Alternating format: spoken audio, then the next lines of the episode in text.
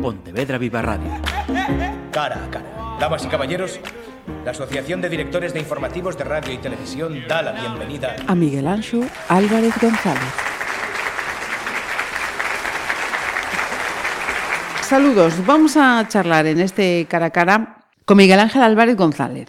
Es eh, gerontólogo, además de contar con diversas especialidades y másters, másters, vaya, en el ámbito de la salud y la gerontología. Previamente quiero añadir que también fue comandante del ejército con una trayectoria durante 25 años. Lo voy a saludar antes de seguir hablando de él. Bienvenido y muchas gracias, Miguel Ángel, por acompañarnos. Yo soy el que os da las gracias y estoy agradecido por la confianza.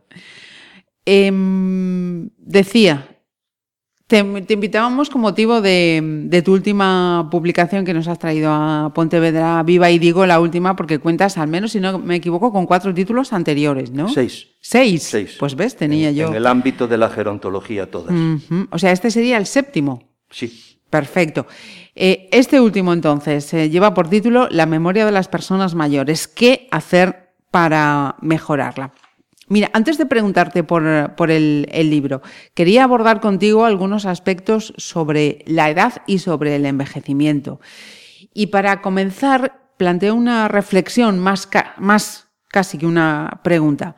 Vivimos en una sociedad que, teme, eh, que oculta las evidencias del paso del tiempo. Es decir, esas máximas de la juventud hay que exprimirla, hay que mostrarla porque ya pasado el tiempo, hay que retraerse, no, no mostrarse, al menos físicamente, el paso del tiempo. También al hablar hay que cuidar las palabras que, que se usan, o incluso hay ámbitos de los que parece tabú hablar, pues como es la sexualidad de, de, los mayores. Todo esto para ti, para los que trabajáis en la gerontología, es un, es un hándicap afrontar la, la madurez para, para quienes tienen más, más edad. Bueno, mm, tener miedo o pensar negativamente de los últimos años de la vida se debe en la mayoría de las ocasiones a un estereotipo que tiene la sociedad, sobre todo la parte más joven. Y eso provoca que haya una idea falsa y errónea sobre la vejez. Es un reto para la sociedad valorar el papel que pueden jugar los adultos mayores, tanto para provocarles o darles calidad de vida y utilizarlos por la experiencia y la formación que han ido atesorando a lo largo de los años.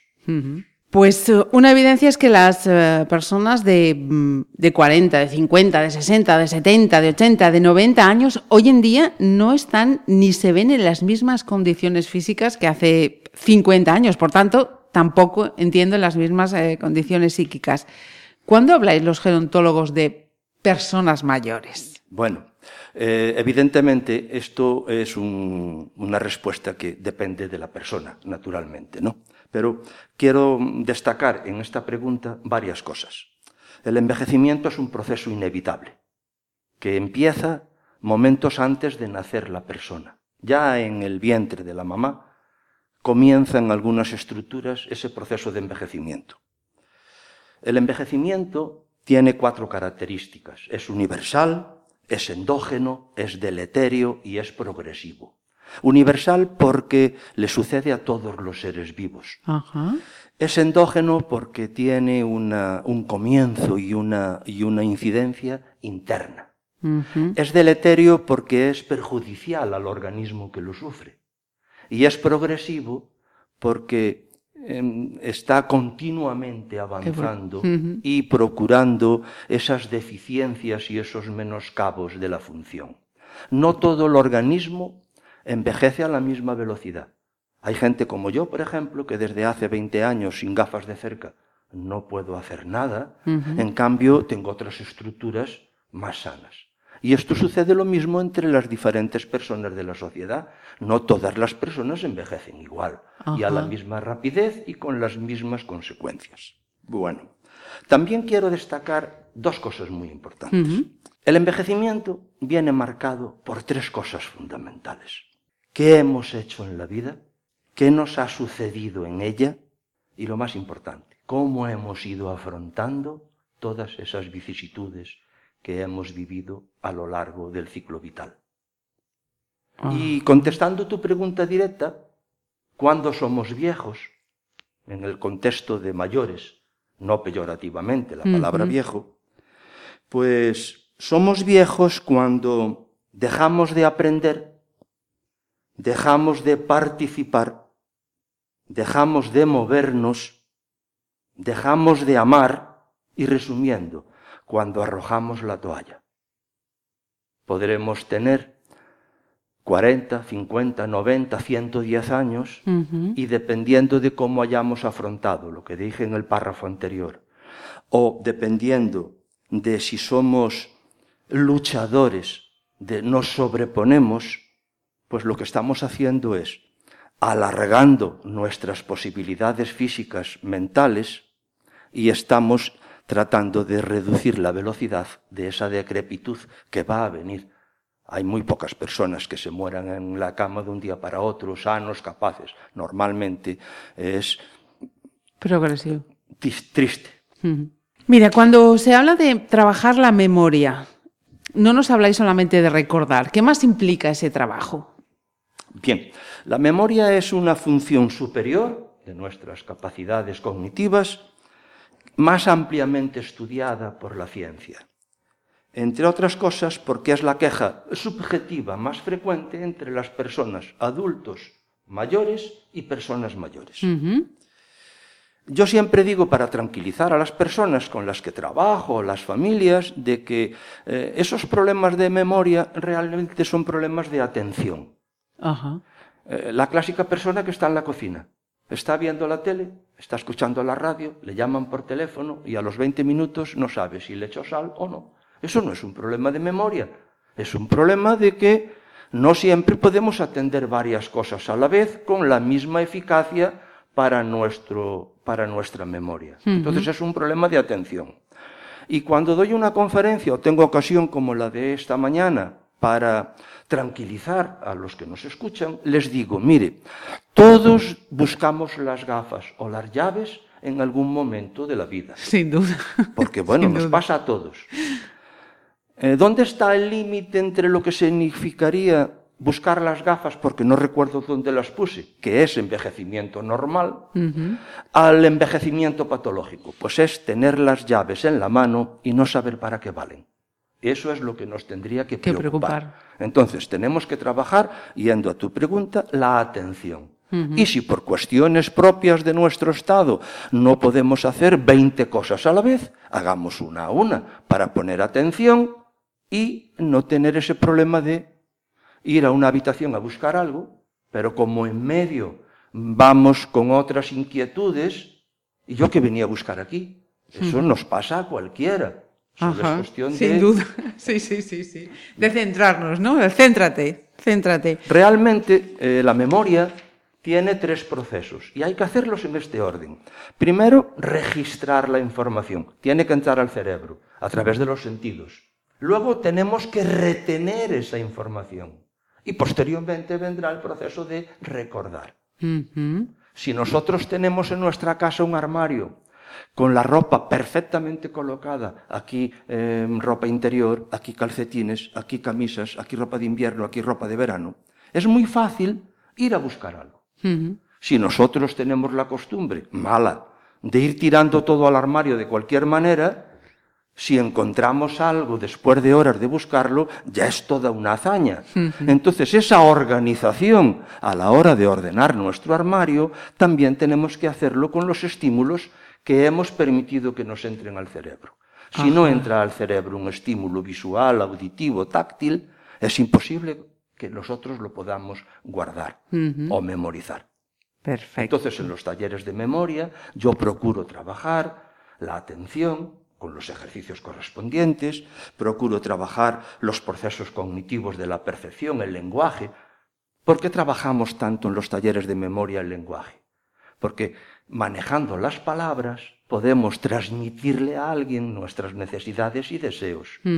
Si nosotros carecemos de vocabulario o tenemos la palabra en la punta de la lengua, que nos pasa a casi todos también, pues tenemos un serio problema a la hora de relacionarnos y comunicar. Entonces hay que trabajar mucho el lenguaje. No estamos estudiando gramática ni vocabulario. No, no, estamos tratando de que nos podamos comunicar con la gente. En la información que me facilitaron para mantener esta charla contigo, Miguel Ángel, una de las máximas sobre las que quiero preguntar se refiere a lo que señalas como un error que tenemos y es considerar la pérdida de memoria como consecuencia de un envejecimiento normal. Eh, que la pérdida de memoria que sea inherente al, paso de los años no, sería así. Explícamelo, por favor, porque me descoloqué un poco. De alguna manera ya he comentado en la, en la consulta anterior algo que tiene que ver con la atención.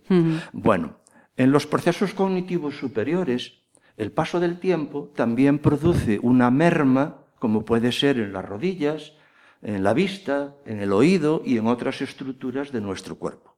Entonces, hay que diferenciar siempre lo que es en relación a la memoria. Atención. El olvido benigno. ¿Dónde puse las llaves? Bueno, pues eso es olvido benigno, no es problemático, porque aquí lo realmente problemático en relación a los procesos cognitivos superiores es la demencia, que nos, nos, va a producir un deterioro en el que nos destruye.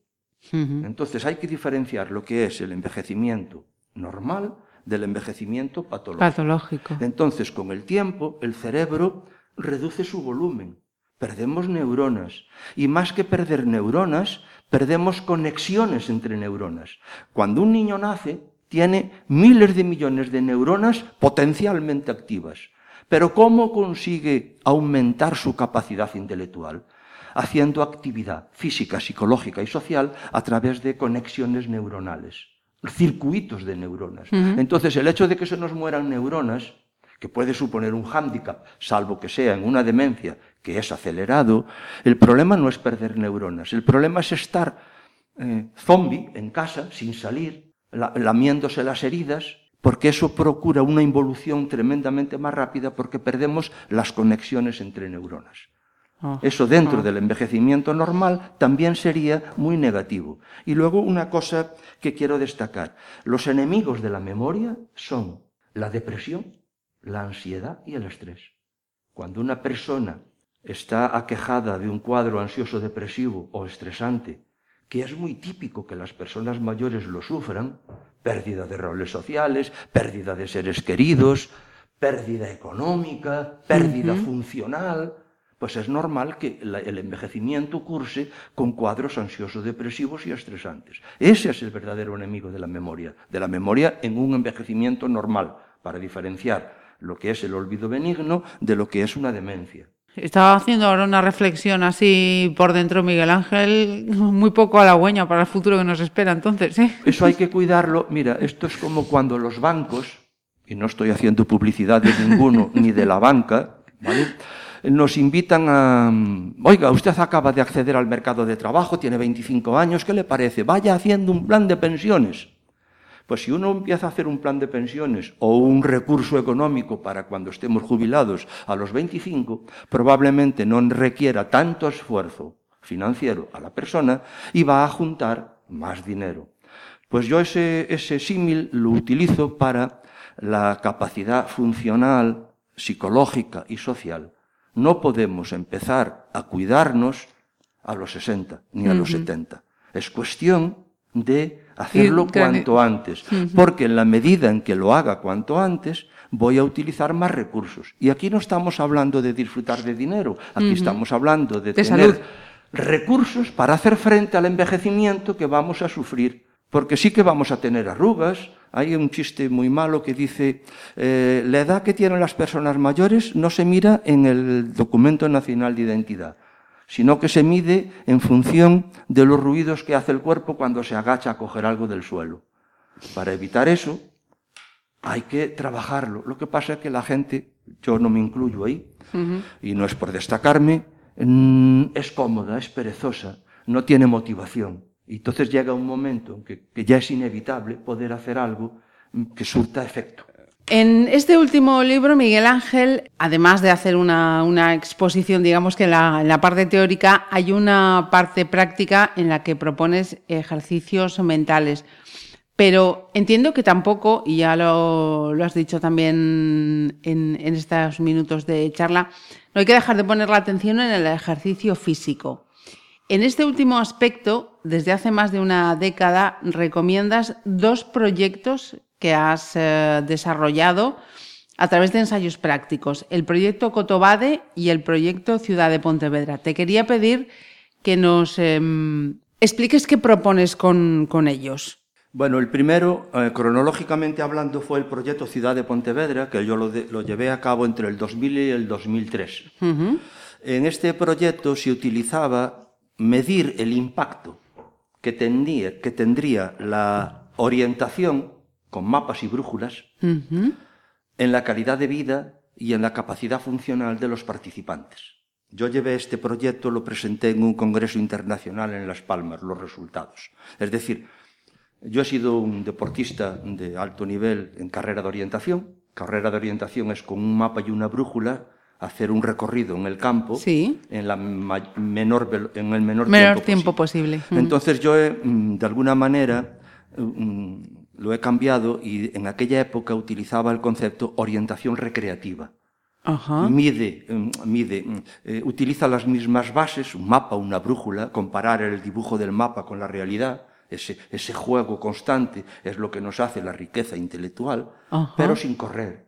Y luego, el método Cotobade fue mi tesis en el campo de la memoria, se llama Cotobade porque lo hice en el concello de Cotobade con ciento y pico vecinos, Ajá. divididos en grupo de control y grupo de tratamiento. En este método se utilizó las actividades de orientación en el espacio y en el medio natural, en relación a cómo podían mejorar la memoria. ¿Por qué?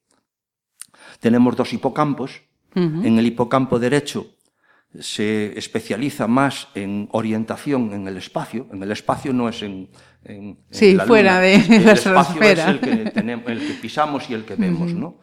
Y mm, el hipocampo izquierdo tiene más, eh, se utiliza más para el lenguaje y, las, y los recuerdos que vamos a ver. Entonces yo se me ocurrió, se me encendió la bombilla diciendo, si yo trabajo eh, con métodos de orientación eh, la incidencia en los hipocampos, de alguna manera ese hipocampo, si ha desarrollado más capacidad, también se podrán utilizar para mejorar la memoria, porque los hipocampos son los centros del aprendizaje y de la memoria. Ajá. Luego hay más estructuras cerebrales encargadas de trabajar la memoria. Pero el mecanismo que empieza y el que tiene la clave es el hipocampo, el derecho y el izquierdo. Ajá. Es igual que tenemos dos hemisferios. Sí. ¿no? Bueno, entonces fue eh, en el 2006, lo presenté eh, en la universidad, los resultados, y era la primera vez que alguien relacionaba en el mundo de la ciencia la memoria con la orientación Sí. espacial.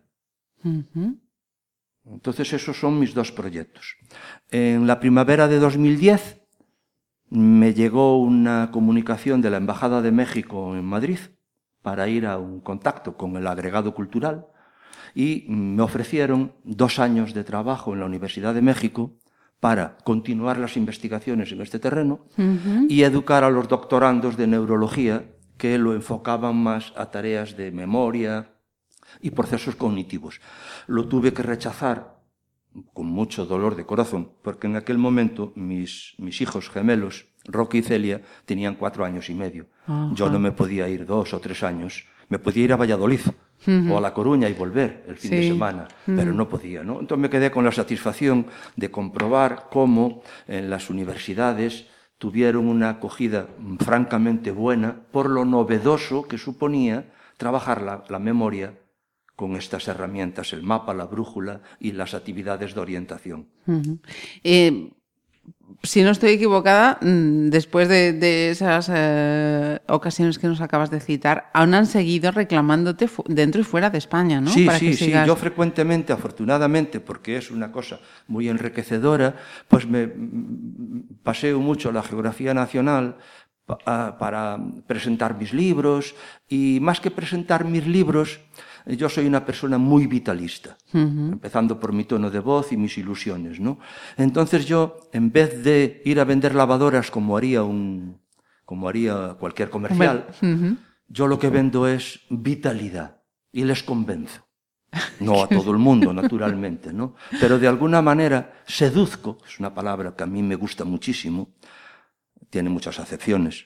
Yo seduzco al que me está escuchando porque le, le convenzo de lo importante que es trabajar la alimentación correcta, la actividad física, la psicológica y la social, que son las maneras de alejar las consecuencias negativas importantes que puede tener un envejecimiento. Ajá. Pues mira, eh, me acabas de mencionar ya por dónde quería hacerte la siguiente pregunta. Lo importante que también es cuidar la, la alimentación para prevenir, eh, bueno, prevenir, para ir, mm, digamos que, mm, alejando todo lo que se pueda ese deterioro, ¿no? Mm, mi libro anterior, que lo, se publicó en 2018, se titula Alimentación, personas mayores y envejecimiento activo. Uh -huh. Y tocaba todos estos palos. ¿Por qué decidí escribir ese libro? En, la Euro, en el primer mundo, Europa, Canadá, Australia, no nombro aquí Estados Unidos porque comen fatal, el 70% de los fallecimientos los ori están originados por una alimentación excesiva, escasa o inadecuada. Para que la gente lo entienda mejor, el 70% de las muertes tienen origen en exceso de colesterol, exceso de hipertensión y exceso de glucosa en sangre. Esas tres cosas producen el 70% de las muertes en Europa, que estamos en el mundo moderno. Uh -huh. Bien, entonces, el cerebro no es ajeno a lo que comemos. El cerebro tiene un 2% del volumen corporal, un 2%, pero consume el 50% de la glucosa que circula por el torrente sanguíneo y el 40% del oxígeno. Entonces, en la medida en que yo tenga una sangre con todos los nutrientes que van en por, nuestras venas y arterias sanas y capaces, están alimentando mejor el cerebro. Mm. ¿Por qué un ictus provoca tantos daños? Porque las neuronas, al cabo de un minuto, sin oxígeno fallecen. O nos dejan unas secuelas que todo el mundo está viendo constantemente. Bien. Entonces, es muy importante que para que el cuerpo, eh, la salud, mantengamos la salud, una correcta alimentación. Eh, recomendación de alimentos mm, positivos para el cerebro. Yo he hecho aquí una pequeña lista. Por favor. Que es muy sencilla de porque todo el mundo lo utilizamos. Los pescados azules, uh -huh. el aceite de oliva virgen extra, la avena, el brócoli, los frutos rojos, chocolate negro, y ahora hago una, un matiz con el chocolate negro, el té verde, huevos, nueces y cúrcuma. Matices con el chocolate negro. El chocolate negro no es al que le falta la leche. El chocolate negro es el que no tiene azúcar. Entonces tenemos que acostumbrarnos. Por cierto, para no olvidarme, eh, en junio voy a ir a Extremadura a dar unas conferencias que todas tienen como base saber leer las etiquetas de los alimentos. ¡Ay, qué importante! Porque muchas veces por ignorancia compramos eh, aquello que no nos va a hacer bien. Entonces, cuando uno coge un chocolate negro y tiene un 40% de azúcar, eso no es chocolate negro. El chocolate negro tiene que ser el que tenga 85 o 90% de, de cacao, cacao, que es un poco más amargo. Ah, pero es muy bueno. Es chocolate. El chocolate nos, nos reduce la, la, la, tensión arterial y es un dulce, bueno, sin una gran... Porque el problema hoy en día son el exceso de sal, el exceso de azúcar. Uh -huh. Podíamos borrar de nuestra alimentación la sal y el azúcar, pero como somos animales de costumbres, animales en el contexto de la naturaleza, uh -huh. eh, no sabemos los, los, daños que nos ocasiona. Uh -huh. Entonces, pescados azules, aceite de oliva virgen extra, los frutos secos, en especial las nueces, un poquito de cúrcuma en, en, una ensalada o en cualquier otro plato de verduras, y con esto contribuimos a que nuestra salud esté cuidada en lo que lleva la parte de la alimentación. Hay más cosas que hacer, naturalmente. Estoy oyendo hablar últimamente muchísimo de la cúrcuma. Es que es una de las especias que, igual que el orégano, yo hace tiempo, porque bueno, no me lo sé todo, lo voy aprendiendo como todo el mundo, ¿no? Yo ahora que tomo siempre un plato de verdura o de ensalada en la comida y en la cena, yo no, no, no como sin un plato de verdura como plato único, a único me refiero separado, Sí, sí. o un plato de ensalada. Pues tanto a unos como a otros le he hecho unas, bueno, vamos a llamarle gotitas Sí. de orégano Ajá. porque también es otra especie muy saludable. No se trata de echarle 8 kilos de orégano a una ensalada, ¿vale? Porque no, no Hacer se- un or- or- orégano con ensalada. por eso. Se trata de, de tomar esos alimentos para, claro, el que se tome todos estos productos que yo he recomendado para alimentar correctamente el cerebro, si luego nos tomamos una botella de Rioja en la comida, mm, pues no, no, no. Bueno, los bodegueros de La Rioja se lo agradeceremos, sí, ¿eh? sí. Por cierto, yo voy a, voy a reconocer que como y ceno con vino. Muy bien, muy Pero bien. claro, pues eso, una copita. Con moderación, Una copita, es. dos copitas. Y Ajá. si un día sale por uno por Pontevedra y ve a los amigos, pues se toma una caña. Eso es. Eso sí. Pero claro, siempre y cuando nuestro hígado y otras partes del cuerpo lo permitan. Lo permitan. Porque si no, pues no, no, no puede ser. Y hablando de alimentación, luego, luego sigo. Hablabas también de las nueces. Eh, Es cierto, no sé si estoy preguntando a la persona correcta, Fundamental. que eh, estoy pensando, y la idea que me habían transmitido es, tú fíjate el- la forma que tiene la nuez, ¿no? Que parece el cerebro. Sí, sí, justamente Pues- las circunvoluciones del cerebro, justamente. es. Partida por la mitad. Ajá, sí, Pues- sí, sí, sí. Pues sí, sí. Mira, la, el- la clave, todos los frutos secos son muy saludables. Tienen un inconveniente, que hay que tomarlos con moderación porque son todo grasas. Ajá. Grasas saludables. Por ejemplo, las nueces, ¿no? Entonces, yo recomiendo a un adulto normal de 65 kilos, que es básicamente lo que peso yo, tres nueces. Ajá. O bien al desayuno, o bien a la merienda, o bien a la cena. Yo me tomo tres nueces diarias que si me tomara 10 están sabrosísimas, con un poquito de pan, pero la ración son tres, igual que tres cucharadas de aceite de oliva en la comida. Y- y- No más, porque claro, el aceite es muy, muy calórico. Ajá. Entonces todo muchas veces las, las proporciones, las proporciones también conviene cuidarlas. No se trata de comer mucho de algo, se trata de que no nos falte nin- ningún alimento para que la dieta sea variada. Eso es. Yo siempre pongo un ejemplo eh, para transmitir este conocimiento a los que nos estén escuchando. Nosotros vamos al súper a comprar alimentos y el cuerpo, una vez que los tengo en la boca y los trago, los convierte en nutrientes. Nadie va al súper a comprar, deme 5 kilos de hidratos de carbono. No, uno compra pan, compra pasta, compra arroz. Verduras, frutas. Claro, pero no, los nutrientes es lo que produce el metabolismo y las proteínas que tienen las órdenes para hacer todo esto. Entonces hay que alimentarse correctamente, alimentarse son alimentos y luego el cuerpo, si está sano, los convierte en nutrientes. En lo que- ujú. Aprovecho esto para decir, muchas veces tenemos anemia, sobre todo las chicas. La regla o, o cualquier otro problema asociado, así leve en este caso. ¿no? Entonces, muchas veces el organismo no, eh, tiene carencias de un nutriente, como puede ser el hierro, que es el que fabrica luego todos estos, todos estos estados de la sangre, la hemoglobina, el hematocrito, puede tener el cuerpo un error a través de las proteínas que mandan las órdenes para hacer todo esto y no fijamos. Nosotros comemos alimentos con hierro, pero el cuerpo no los No fija. los-. Entonces es como si no nos alimentáramos bien. Entonces cuando yo doy consejos de alimentación me estoy refiriendo a gente normal, sin ningún problema crónico ni ninguna disfunción en el organismo, porque entonces hay que buscar una solución más, más concreta para esa persona. Bien, entramos ya en el, en el libro en sí. La memoria, recuerdo, la memoria de las personas mayores, ¿qué hacer para mejorarlo? A estas alturas yo espero que haya personas que estén preguntando, ¿dónde lo consigo? ¿Dónde lo puedo encontrar? Miguel Ángel. Esta primera edición, que aún no ha salido de la imprenta, yo he cedido los derechos de autor a la Federación de Pensionistas de Comisiones Obreras.